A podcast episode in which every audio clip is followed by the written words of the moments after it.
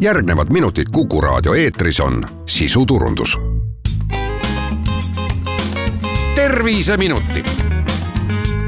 saate toob kuulajateni Grindex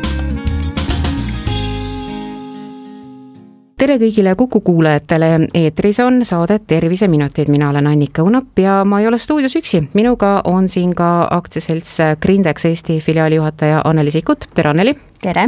ja minuga on ka Reelika Grupp, kes on äh, aktsiaselts Grindexist ja ühtlasi on tema ka kiirabibrigaadi juht, tere Reelika! tere! kõigepealt ähm, palju õnne teile, palju õnne teie kolleegidele, sest teatavasti tähistab äh, farmaatsiatooteid valmistav Grindex käesoleval aastal oma seitsmekümne viiendat tegevusaastat, see on märkimisväärne. tõesti on ja aitäh õnnesoovide eest, et seitsekümmend viis aastat tagasi loodi Lätis Grindexi farmaatsiatehas ja selle arengu jooksul on erinevaid arenguetappe olnud ja samuti ka on meil välja töötatud selline erinev meediakajastuste plaan, mis siis kujutabki endast erinevaid arenguetapi kajastusi ja samuti ka selle aasta jooksul omandatud väga väärtuslikke teadmisi ja kogemusi, mis on farmaatsiatööstuse lahutamatu osa. Grindexi kontserni kuulub ka Tallinna farmaatsiatehased, millel on ravimite valmistamisega kogemust juba enam kui sada aastat, siis üldine teadmiste pagas, mis te kahe peale kokku saate, on kindlasti märkimisväärne, et ähm, millised on need tähtsamad saavutused kogu selle tegevusperioodi vältel olnud? Tallinna farmaatsiatehas on oma vanuse üle väga uhke, sellepärast et ta on Baltimaade piirkonna vanim ravimitootmisettevõte ja momendil toodetakse antud tehases siis erinevaid salve, täpsemalt siis erinevaid ravimeid liiges- ja lihasvalude korral, seenevastaseid ravimeid dermatoloogiliseks kasutamiseks ja erinevaid veterinaarias kasutatavaid ravimeid. kuna see kogemuste pagas on äh, märkimisväärne ja ka usaldusväärne, siis äh, mul on väga hea võimalus küsida äh, näiteks sellist asja, Reelika, et kevadel ja sügisel hakkavad inimesed millegipärast rohkem kaeblema selja- ja liigesevalude üle, et suvel justkui kaovad need kõik imeväel, et kuidas see nii on ja miks see nii on? Tavaliselt on ikkagi nii, et seoses meie ilmastikuga siis äh, on väga päikselised ilmad, inimesed arvavad, et võivad õue minna, kuid nad ei arvesta seda, et see on väga sellised petlikud, et tuuletõmbus, sellest piisab natukeseks ajaks, kui nad jäävad jälle haigeks ja tekivadki need äh, seljavaevused et selle korral ikkagi inimesed peaksid olema ikkagi soojalt riides ja mitte alati vaatama seda, et päike paistab ja ilm on ilus, aga just arvestama seda, kas on sügis või kevad, et vastavalt sellele ikkagi riietuda. nii et äh, üks osa inimesi kutsub endale selle kurja ise kaela, kui panevad lihtsalt äh, pelgalt päikest vaadates natukene vähe riideid selga. absoluutselt. aga mis aitab neid inimesi, kes on saanud näiteks selle tuuletõmbuse tõttu omale selja- või kaelavalu ja samas on ju tegelikult meil nüüd hulk inimesi, kes ikkagi töötavad veel kontorites, istuvad võib-olla vales asendis ja hulk inimesi on ju saadetud ka kodukontoritesse, kus pole tegelikult istumiseks ju sellised õiged tingimused absoluutselt, et ähm, kuidas neid aidata? no reegel number üks on see, et valu kannatada ei tohi kui on valu, siis tuleb selgitada valu põhjus ja kui on, tuleneb see valu siis tõesti sundasendist või tõesti tuuletõmbusest, siis selle korral väga hästi aitavad äh, käsimüügis olevad äh, paikselt manustatavad äh, valuravisalvid. Nende käsimüügiravimite kohta käib ju ka igasuguseid selliseid jutukesi, et öeldakse pigem, et see käsimüügi, käsimüügist saadud ravim on selline usu küsimus, et kui sa selle peale paned ja usud, et see valu mööda läheb, siis ta läheb, aga kui sa ikka ei usu, et siis ei lähe, et äh, räägitakse, et see toimeaine on justkui liialt nõrk ja kui ikka abi tahta, siis tuleb äh, saada retseptiravim, et äh, kas siis see ei vasta absoluutselt tõele? kõik oleneb nüüd valu tugevusest ja ka diagnoosi raskusest. kui on ikka väga tõsise probleemiga, siis tõesti ainult ei piisa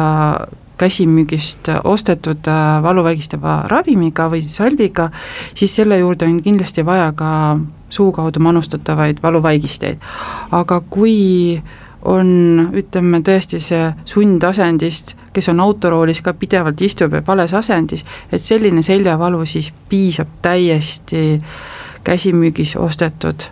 valuvaigistava salviga ja selle juurde ei ole vaja retseptiravimit, näiteks ortofeeni salv on piisavalt hea selle korral. nii et see kaheprotsendiline diklofenaki sisaldav salv ikkagi nagu töötab siis, jah? absoluutselt. aga kuidas teha üldse valik, näiteks selja ja liigesevalu vastu on ju apteekides neid salve seal reas ju väga palju, et mida näiteks meedikuna teie annaksite siit soovitusena kaasa, et mida jälgida näiteks nendel pakenditel, et mis mis seal peaks justkui kirjas olema, et äh, see ravim ka oleks mingisugust äh, mõju omav? kui nüüd äh, patsient läheb apteeki, siis kindlasti ta peab eelnevalt endale selgeks tegema, kas ta tahab ainult valuvaigistavat või ta tahab ka soojendava efektiga, kas ta tahab peale määritavat või sisse masseeritavat kas ta tahab salvina või ta tahab keelina. et sellised asjad, ma arvan, et kui patsient või klient ei ole pädev, et sellest siis ta aitab kaasa apteeker seal apteegis, aga vastavalt sellele, kui ta ikka on tugevama valu iseloomuga on tegemist, siis kindlasti oleks soovitav selline salv, mis saab sisse määrida. et see on, toime on efektiivsem siis meie kevad on sel aastal taas selline teistsugune, et ähm, koduseinte vahel on terved pered ja nad on seal ikkagi väga pikalt üksteisega koos, et ähm, ja teatavasti õnnetused ju ei hüüa tulles millise pilguga üleüldse tuleks ähm, üle vaadata oma kodus olev apteegikapp? Kui nüüd nad tõesti lähevad oma esmaabikapikesi või, või meditsiinikotikesi revideerima, siis kindlasti tuleks sealt likvideerida aegunud ravimid, mida kasutada ei, ei tohiks. praeguse hetkega kui ma ka kiirabis äh, töötan, siis jälgin, et patsientidel enamusel puudub äh, palaviku alandajad. et ei, või ei ole piisavalt seda koju soetatud, et peab arvestama sellise intervalliga, et vähemalt iga nelja-kuue tunni tagant, kui on täiskasvanu, siis ta peab võtma vähemalt äh, paratsetamooli tuhat milligrammi, et see on kaks tabletti, et seda jätkuks vähemalt ööpäevaks, kui apteegid ei ole nagu piisavalt lähedal või ei ole kättesaadaval. Ja kindlasti peaks olema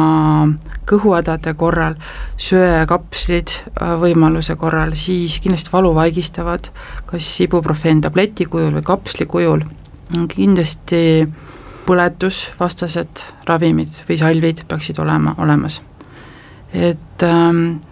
tänapäeval äh, inimesed ikkagi, kui nüüd on kodune, nad hakkavad juba grillima, kui ilmad lähevad ilma, ilusaks, siis hakatakse, tuleb grillihooaeg ja kindlasti siis ka selliseid asju tuleks koju soetada.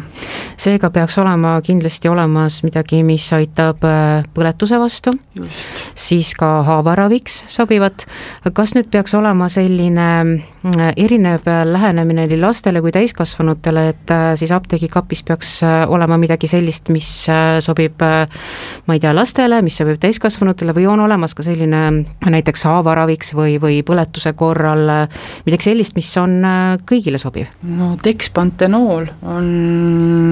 kogu pereravim, ütleme niimoodi, et teda saab määrida siis, kui on päikesepõletus, kui on tavaline põletus ja samuti siis, kui on tegemist haavaga, et juba vanem haav, et saaks hakata ravida, siis ta aitab ilusti seda haava regenereeruda, et ta taastab seda ilusti, selle naha taasteket teket, et see on väga efektiivne, aga just dekspantenool, et meie puhul kasutame me rekreooli näiteks.